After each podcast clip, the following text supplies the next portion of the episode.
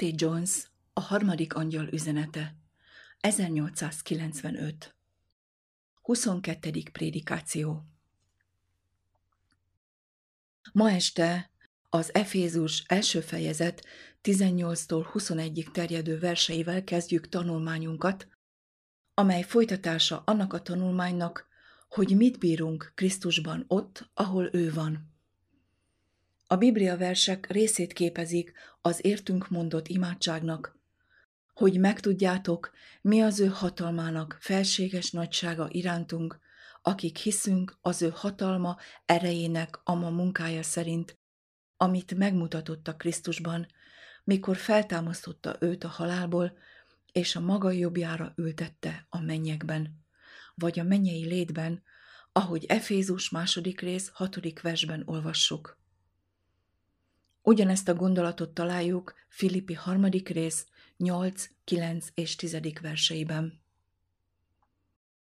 Most is kárnak ítélek mindent az én Uram Jézus Krisztus ismeretének gazdagsága miatt, akiért mindent kárba veszni hagytam, és szemétnek ítélek, hogy a Krisztust megnyerjem, és találtassam ő benne, mint akinek nincs saját igazságom a törvényből, hanem van igazságom a Krisztusban való hit által, Istentől való igazságom a hit alapján, hogy megismerjem őt és az ő feltámadásának erejét.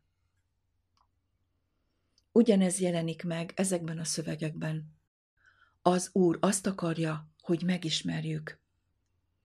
Hogy megtudjátok, mi az ő hatalmának felséges nagysága irántunk, akik hiszünk az ő hatalma erejének ama munkája szerint, amit megmutatott a Krisztusban, mikor feltámasztotta őt a halálból. Utána Pál azt mondta, hogy megismerjem őt és az ő feltámadásának erejét. Ez nem csupán az a hatalom, amely feltámasztja Pált halála és temetése után. Nem csak ennyiről van szó, hanem az ő feltámadása erejének megismeréséről is, most, amikor élünk. Ezt a hatalmat ő általa kapjuk, és vele együtt vagyunk keresztre feszítve, meghaltunk, és vele együtt eltemettettünk. Vele együtt támadunk fel, a mennybe vitetünk, és vele együtt Isten jobbjára leszünk ültetve. Ezek a versek erre a hatalomra utalnak. Hogy megismerjem őt és az ő feltámadásának erejét, és részesülésemet az ő szenvedéseiben, hasonlóvá lévén az ő halálához. Ha valami módon eljuthatnék a halottak feltámadására. Pál meg akarta ismerni Krisztus feltámadásának hatalmát, hogy eljusson a halálból való feltámadásra. Az az ember, aki ebben az életben nem ismeri meg Krisztus feltámadásának erejét, az eljövendő életben sem fogja megismerni. Valóban, még ha fel is támad a halálból, nem fogja megismerni azt az erőt, amely feltámasztotta őt a halálból, és az, aki nem ismeri meg Krisztus feltámasztó erejét még mielőtt meghalna, nem ismeri meg Krisztus halálból való feltámasztó erejét.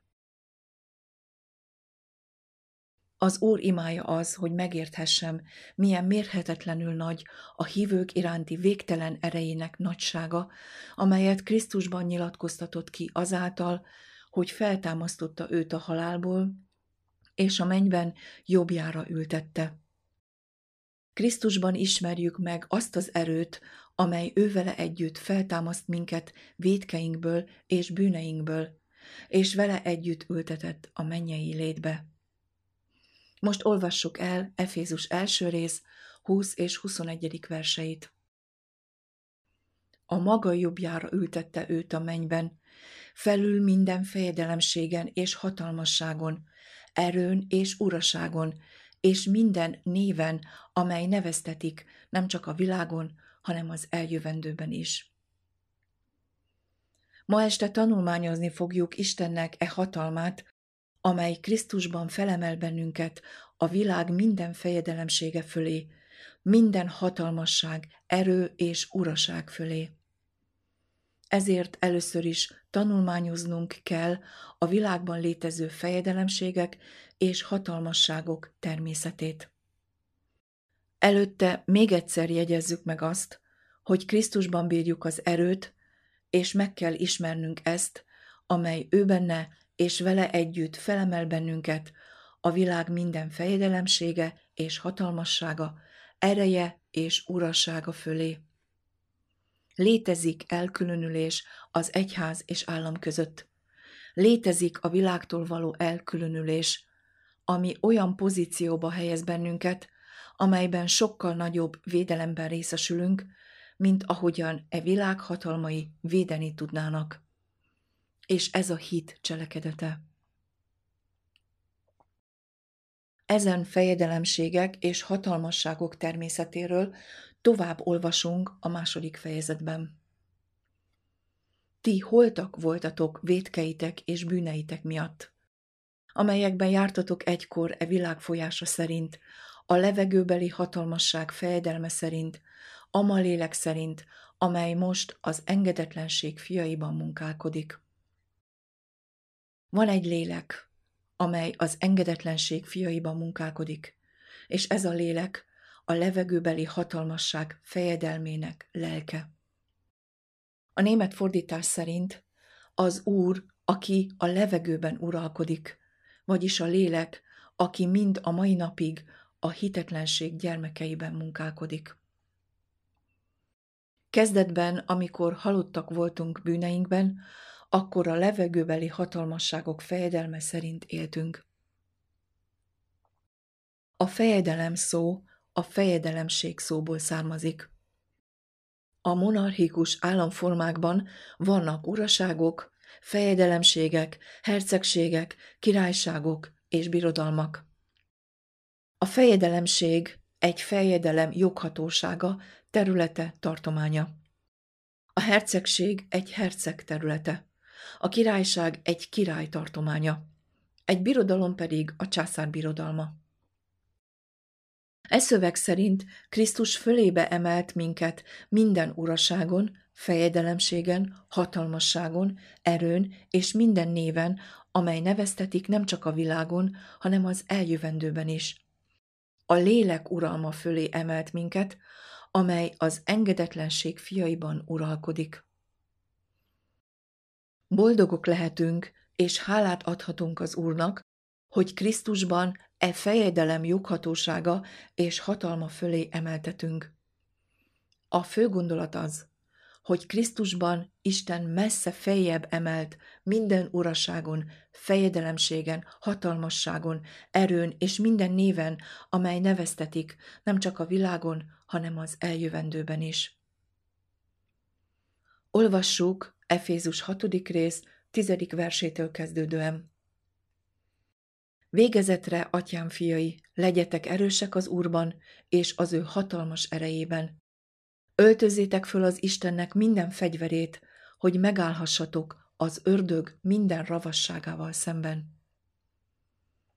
Ki ellen kell harcolnia a kereszténynek ezen a világon? Kivel kell harcolnia a kereszténynek, ami a világ fejdelemségeit, hatalmait és birodalmait illeti? Az ördöggel hogy megállhassatok az ördög minden ravasságával szemben. Tehát, amikor egy kormány egy keresztény ellen támad, beavatkozik a dolgaiba és üldözi őt, akkor a kereszténynek harcolnia kell azon kormány ellen? Harcolnia kell ellene? Nem. Neki az ördöggel kell harcolnia. Ezt a gondolatot szem előtt kell tartanunk. Meg kell értenünk, hogy amikor a fejedelemségek, hatalmasságok, erők és uraságok üldöznek minket, akkor nem közvetlenül azokkal van dolgunk, hanem magával a hatalommal. Nem hirdetünk háborút ellenük, nem harcolunk velük. Mi az ördög ellen harcolunk, a küzdelmünk ellene folyik. Ezt sugalja egy tavasszal érkezett bizonságtétel, amely szerint a misszionárusoknak nem szabad megfeledkezniük arról, hogy bárhol és bármikor figyelmeztessék az embereket, hogy e világban felmerülő harcok, agitációk, viták és konfliktusok nem egyszerűen e világból és a látható dolgokból származnak, hanem ezek a szellemi hatalmak látható munkálkodásának az eredményei, amelyek el vannak rejtve az emberi szem elől.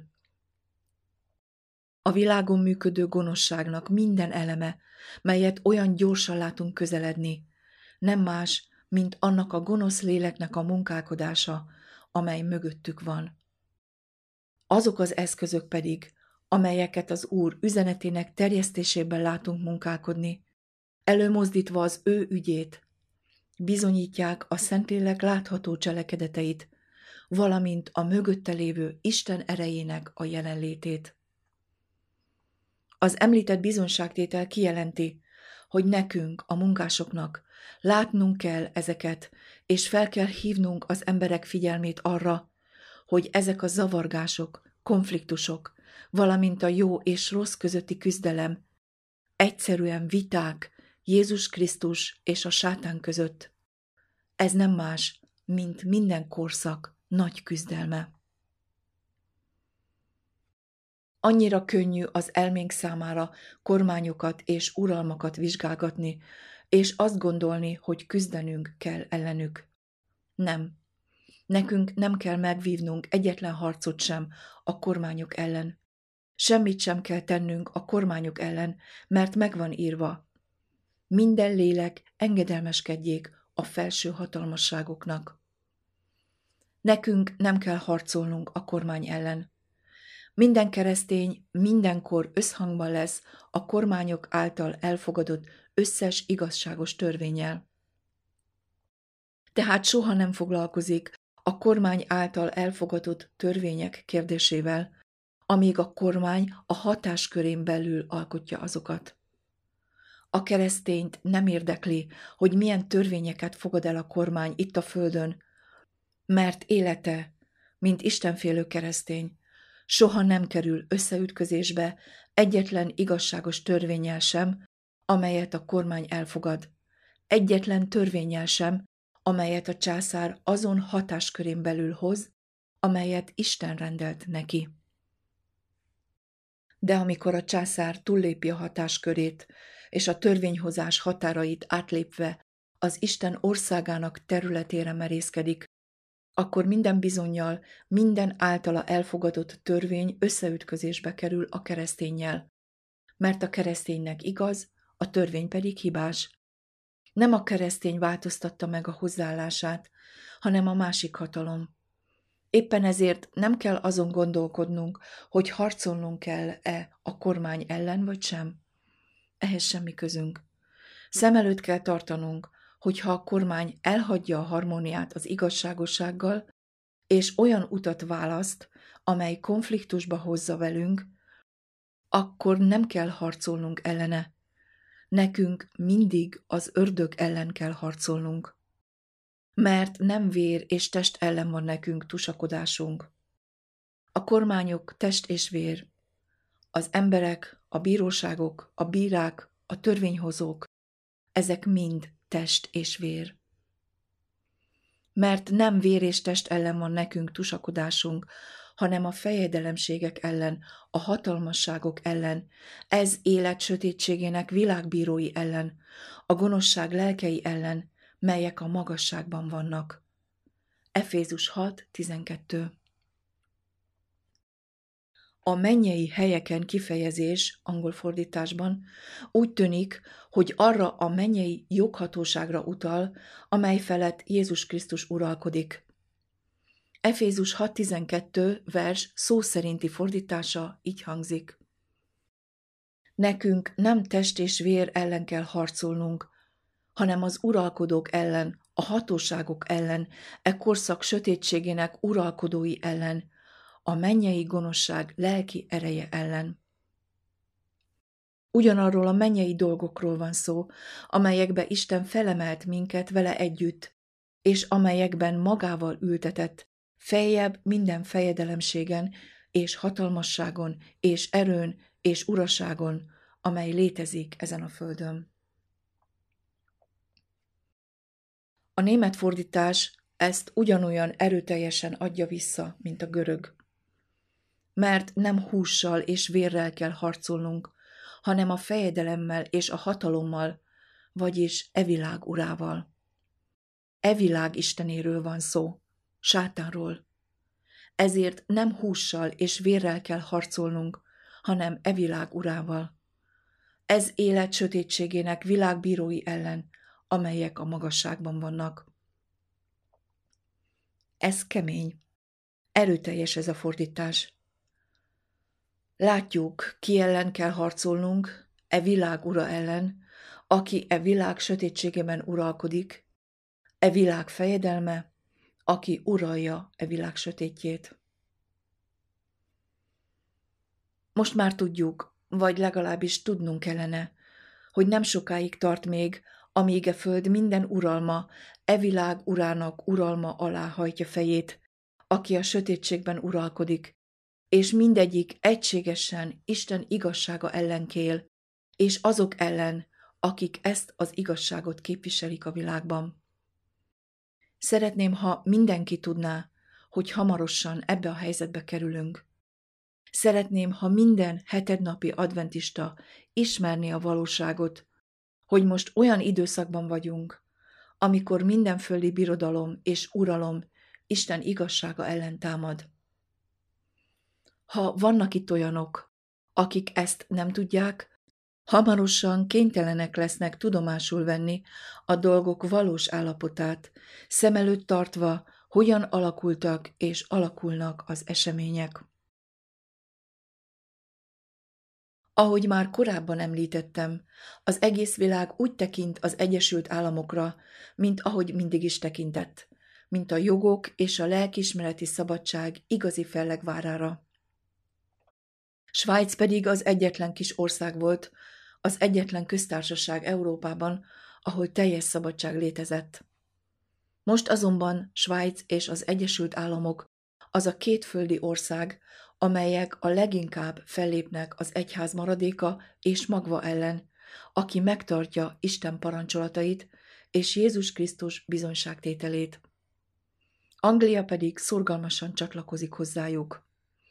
És ha ezek az országok, amelyek példamutatóak voltak a világon, az ember jogai és a lelkismereti szabadság terén, az Isten és az ő igazsága ellen fordulnak, akkor nincs itt az az idő, amiről beszéltem, amikor az egész világ sátán uralma alá kerül, készen állva arra, hogy szembeforduljon Isten igazságával és Jézus Krisztus hatalmával?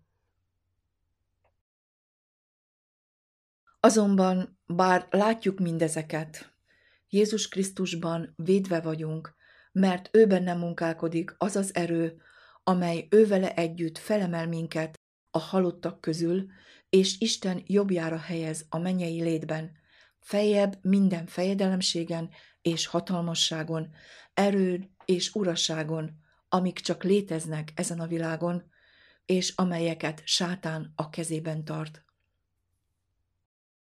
Nem áldás, hogy most, amikor kénytelenek vagyunk belemenni ebbe a konfliktusba, Jézus Krisztus felragyogtatja előttünk csodálatos igazságait, és felemel minket oda, ahol ő van, hogy megtudjuk, hogy mindezek felett állunk, és győzelmünk van rajtuk. Ezeket a dolgokat mélyebben fogjuk tanulmányozni. Beszéltünk eleget az uralkodásokról. Jézus azt mondta, hogy feljebb emel bennünket minden fejedelemségen, hatalmasságon és erőn. A hatalom szónak a görög nyelvben az abszolút jelentése autoriter hatalom, amelyet az erős gyakorol az igazzal szemben. Ez a szó jelentése. Szó szerinti fordításban tekintélyt jelent. A szónak van szokásos jelentése is az abszolút jelentése mellett. Szokásos használatában a hatalom jellegét az adja meg, akivel kapcsolatban áll. Például, ha ez a szó Krisztus hatalmának és az Úr tekintélyének leírására van használva, akkor igazságos és törvényes hatalomról van szó, mert az Úr tekintélyéről szól. De amikor a világ hatalmainak leírására használjuk, minden esetben e világ természetéhez és a világban uralkodó lelkülethez kapcsolódik. És ez elvezet bennünket a szó abszolút jelentéséhez, ami az autoritár hatalom, amelyet az erős gyakorol az igazzal szemben. Mikor történt először az univerzumban, hogy valaki használta erős tekintélyét vagy hatalmát az igazzal szemben? Lucifer lázadása alkalmával történt, az énjének megnyilvánulása által. Ezt a hatalmat ő hozta ebbe a világba, és ide kényszerítette azt, amikor megtévesztéssel átvette a világ feletti uralmát. Ezért helyesen van használva ez a szó annak közlésére, hogyha Krisztus minden uralom és hatalom fölé emelt minket ezen a világon, akkor ez azt jelenti, hogy az erős hatalma fölé emelt, amely az igaz ellen nyilvánult meg. És ez nem más, mint sátán hatalma, amelyet ő vezetett be és használ ebben a világban. Ez csak hangsúlyosabbá teszi azt a gondolatot, amelyet korábban említettem.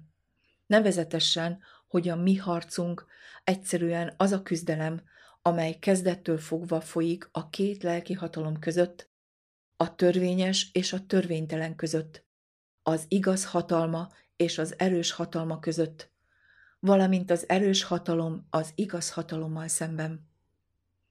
A harc e két lelki hatalom között folyik. Mi az erős hatalma alatt voltunk, amely megnyilvánul az igazzal szemben, az erőszak hatalma alatt. Jézus Krisztus azonban megismertette velünk az erőssel szemben megnyilvánuló igaznak hatalmát, a szeretet hatalmát. Mi kijöttünk az erős hatalma alól, amely megnyilvánul az igazzal szemben, az erőszak ereje alól, és átálltunk az erőssel szemben megnyilvánuló igaznak hatalma alá, a szeretet hatalmának oldalára. És most a küzdelem e két hatalom között zajlik, és rólunk szól. A küzdelem mindig e két lelki hatalom között zajlik, függetlenül attól, hogy milyen eszközöket használnak ezen a világon a hatalom külső megnyilvánulásaként. A küzdelem mindig a két lelki hatalom között zajlik, Jézus Krisztus és a bukott herceg között. Kövessük továbbra is ezt a gondolatot, és nézzük meg, hol van a győzelmünk, és hol győzünk e törvénytelen hatalom, az igaz elleni erős hatalom felett. Olvassuk Kolossé második rész, kilencedik verstől. Benne lakozik az Istenségnek egész teljessége testileg. Ő benne vagytok beteljesedve, aki feje minden fejedelemségnek és hatalmasságnak. Akiben körül is metéltettetek, kéz nélkül való körülmetéléssel, levet közvén az érzéki bűnök testét a Krisztus körülmetélésében eltemettetvén vele együtt a keresztségben, akivel egyetemben fel is támasztottatok az Isten erejébe vetett hitáltal, aki feltámasztotta őt a halálból. Titeket, akik holtak voltatok bűnötökben, testetek körülmetéletlenségében, ővele együtt megelevenített, megbocsátván minden bűnötöket. Ővele együtt elevenített meg. Figyeljétek meg, hogy itt ugyanarról van szó, mint amit tegnap este olvastunk Efézus második fejezetében. Nevezetesen, hogy feltámasztott minket a halálból, és oda helyezett minket, ahol ő van. Itt azonban arról is olvasunk, hogy miként győzünk ő benne. Lefegyverezte a fejedelemségeket és a hatalmasságokat, angol fordításban erősségeket nyilvánosan megszégyenítette őket, és diadalmaskodott rajtuk a kereszt által. Kolossé 2.15 Káldi Bibliából. Vagy ahogyan a német fordításban olvassuk, diadalmaskodott rajtuk önmagában. Az itt használt hatalom szó megegyezik a görög kifejezéssel, amely az erős hatalmát jelenti az igazzal szemben. Gondolom nem szükséges megnyitnunk a Bibliát Jézus példázatánál, Lukás 11, 21-22 verseknél. Mikor az erős fegyveres őrzi az ő palotáját, amilyen van, békességben van. De amikor a nála erősebb, reáljövén legyőzi őt, minden fegyverét elveszi, amikben bízott, és amit tőle zsákmányolt, elosztja. Sátán van az erősnek tekintélye gyökerénél, aki az igazzal szemben nyilvánult meg. Sátán megtévesztés által lett e világ fejedelme, amikor irányító hatalommá vált a fölött, aki e világ jogos fejedelme volt.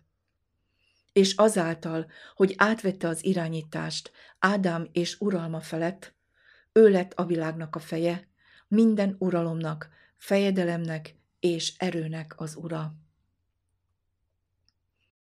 De jött a világra valaki, aki nálánál erősebb. Tudjuk, hogy erősebb sátánnál, mert megvívták a küzdelmet, és Krisztus győzött. Megjelent a második Ádám, nem olyan természetben, mint amelyben volt az első Ádám, hanem amilyenben voltak az első Ádám leszármazottjai. A második Ádám átvette azt a degenerált állapotot, amelyre az emberiség az első Ádám bukása után jutott, és ebben az állapotban megkérdőjelezte uralkodásának jogát annak, aki ellopta az örökséget. Kettejük között folyt a harc itt a földön. Küzdelem folyt annak eldöntéséért, hogy a zsákmányt fel kell leosztani, vagy érintetlenül kell hagyni annak a kezében, aki az igazság ellen megnyilvánuló hatalom erejével szerezte meg. Az, aki ennek a lázadónak a területére lépett, bebizonyította, hogy erősebb annál, aki az uralmat birtokolta, és földi életének minden lépésénél legyőzte őt. Utána, hogy megmutassa az univerzumnak, mennyivel hatalmasabb. Jézus nem csak legyőzte sátánt élete minden lépésénél, hanem utána holtan adta önmagát annak a hatalomnak, aki uralta a földet. Sátán pedig, akinek uralma volt a föld felett, teljes erejével a halálba zárta Krisztust. Krisztus azonban még itt is szétzúzta a sátán hatalmát. Ezzel bizonyította, hogy nem csak akkor erősebb sátánnál, amikor él, hanem akkor is, amikor halott. Halott állapotában is erősebb volt sátánnál, ezért a sírból kilépve örömében így kiáltott a világ egyetemnek. Én vagyok az élő, aki halott voltam, és íme élek örökkön örökké. Nálam vannak a pokolnak és a halálnak kulcsai. Jelenések 1.18 Igen, Krisztus él. Hála legyen Istennek! Ha pedig a halott Krisztus erősebb az ördögnél, akkor mit nem tehet meg az élő Krisztus, aki napjainkban ott van Isten jobbján? Lehet még okunk a csüggedésre? Lehet még okunk a félelemre? Akár az összes király, uraság, fejdelemség vagy hatalmasság előtt, akiket sátán összegyűjthet a földön. Nem. Mert az, aki élő és velünk van, amikor halott volt, erősebb volt sátán minden erejénél. Jézus Krisztus örökkön örökké él. Mi ő élünk, és értünk munkálkodik az ő ereje, az ő halhatatlan ereje. Még a halál által korlátozott Jézus hatalma is elég lett volna számunkra, nem de? De ő nem csak ennyit ad nekünk. Jézus az élő, halhatatlan hatalmát adja nekünk. Örüljetek és örvendezzetek, és legyetek győztesek ebben a hatalomban. Jézus annak területére lépett, aki bitorolta ennek a világnak a hatalmát, az erőhatalmát az igazság ellen, és végül belépett az illegitim hatalom erődjének fellegvárába és a fellegvár erődjébe. Az, aki erősebb a másiknál, belépett, birtokba vette, és kijött a kulcsokkal, amelyek még mindig nála vannak. Hála legyen Istennek! Tehát, ha ez az illegitim hatalom bezárna minket arra a helyre, abba a börtönbe, akkor nem lenne gond. Sátán nem tarthat bennünket ott, mert a barátunknál vannak a kulcsok. Amikor ő akarja, hogy kijöjjünk onnan, elfordítja a kulcsot, kitárja az ajtót, és kivezet minket a börtönből. És hogy biztosak legyünk, hogy nála vannak a kulcsok, amikor kijött az erődből, elvette és örökre magánál tartja. Ezért olvassuk Efézus 4. rész 7. és 8. versekben. Mindegyikünknek a Krisztustól osztott ajándék mértéke szerint adatott a kegyelem. Ezért mondja az írás, fölmenvén a magasságba, foglyokat vitt fogva, és adott ajándékokat az embereknek. Fejedelemségeket és hatalmasságokat fegyverezett le, és amikor kijött, sok foglyot hozott ki sátán és a halál uralma alól. Máté 27. rész 51, 52 és 53 verseiben Krisztus keresztre feszítésének idejéről ezt olvassuk. A föld megindult, a kősziklák megrepeteztek, a sírok megnyíltak, és sok elhunyt, szent teste feltámadt. Kijöttek a sírokból Jézus feltámadása után. Krisztus keresztre feszítésekor a sírok megnyíltak. Mikor jöttek ki a halottak? Krisztus feltámadása után. Megvan írva, hogy amikor kijön, megosztja a zsákmányt. Amikor kijött a sírból, foglyok nagy sokaságát hozta ki, és amikor a mennybe ment, magával vitte, mint a foglyok első seregét, akiket kiszabadított az ellenség földjéről.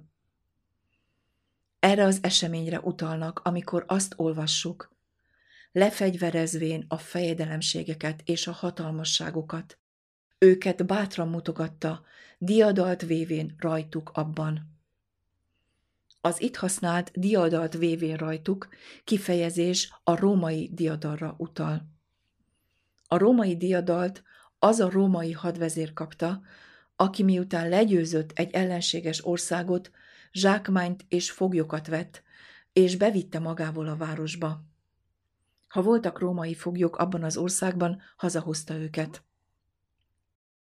Amikor győzelme teljes volt és hazatért, a szenátus diadalmenetet engedélyezett neki.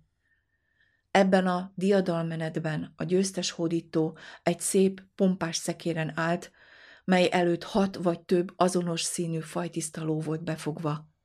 Zsákmányával és fogjaival vonult végig Róma utcáin, az emberek pedig újongtak azon a nagy ünnepnapon, tisztelve diadalát. Jézus Krisztus, ami győztesünk, aki értünk győzött, eljött az ellenség földjére és megvívta a csatákat. Mi foglyok voltunk az illegitim hatalma alatt, de barátunk, tábornokunk eljött és megvívta a csatákat. Belépett az ellenség erődjébe, széttörte annak láncait, és kinyitotta az erődöt. Elvette a kulcsokat, elvitte a zsákmányt, kivitte a foglyokat, és diadalmasan bevezette őket dicsőséges városába. Most pedig hála legyen az Istennek, aki mindenkor diadalra vezet minket a Krisztusban. 2 Korintus 2.14 Ő benne diadalmaskodunk e törvénytelen hatalom felett, a felett, aki az erő hatalmát birtokolja az igazság ellen. És ebben a sátán feletti diadalban az egész világegyetem előtt bontakozik ki az igazság hatalma az erővel szemben. Egy dolgot jegyezzetek meg. Az igaz hatalma az erőssel szemben soha nem használhat semmilyen erőszakot. Észrevettétek ezt? Észrevettétek, hogy éppen ebben áll a keresztény lelkülete, amely pontosan Jézus Krisztus lelkülete, és amely nem ellenségeskedő lelkület? Használhatott volna Krisztus erőszakot, hogy bemutassa az igazság hatalmát az erőszak felett? Nem. Ahhoz, hogy az erőszak megőrizze hatalmát az igazság felett, minden alkalommal erőszakot kell alkalmaznia, mert csak ezzel tud győzni. Ebben az esetben az igazság csak mellékesen számít, ha egyáltalán figyelembe veszik. De másrészt az igazság hatalma az erőszak felett az igazságosságban rejlik, és nem a hatalomban. A hatalom magában az igazságosságban rejlik. Aki kezese lesz az erőszakkal szembeni igazságosság elvének, az sohasem folyamodhat semmilyen erőszakhoz. Nem használhat semmilyen erőszakot, még az igazság hatalmának megvédésére sem. Az ilyen csak magától az igazság hatalmától függ, hogy győzzön, és hogy legyőzze az ellene felsorakoztatható minden erőszakot. Ez a titka. Értitek, hogy ez azonnal megmagyarázza, miért állt Krisztus bárányként az ellene összegyűjt hatalmak és erők előtt? Ő nem volt érdekelt abban, hogy erőszakot használjon az ellenálláshoz. Amikor Péter kirántotta kardját, hogy megvédje őt, így szólt hozzá. Tedd el a kardod, aki fegyvert fog, fegyver által hal meg. Amikor ragaszkodunk ezekhez, minden világos lesz, hogy mi a teendőnk itt, vagy ott, vagy máshol.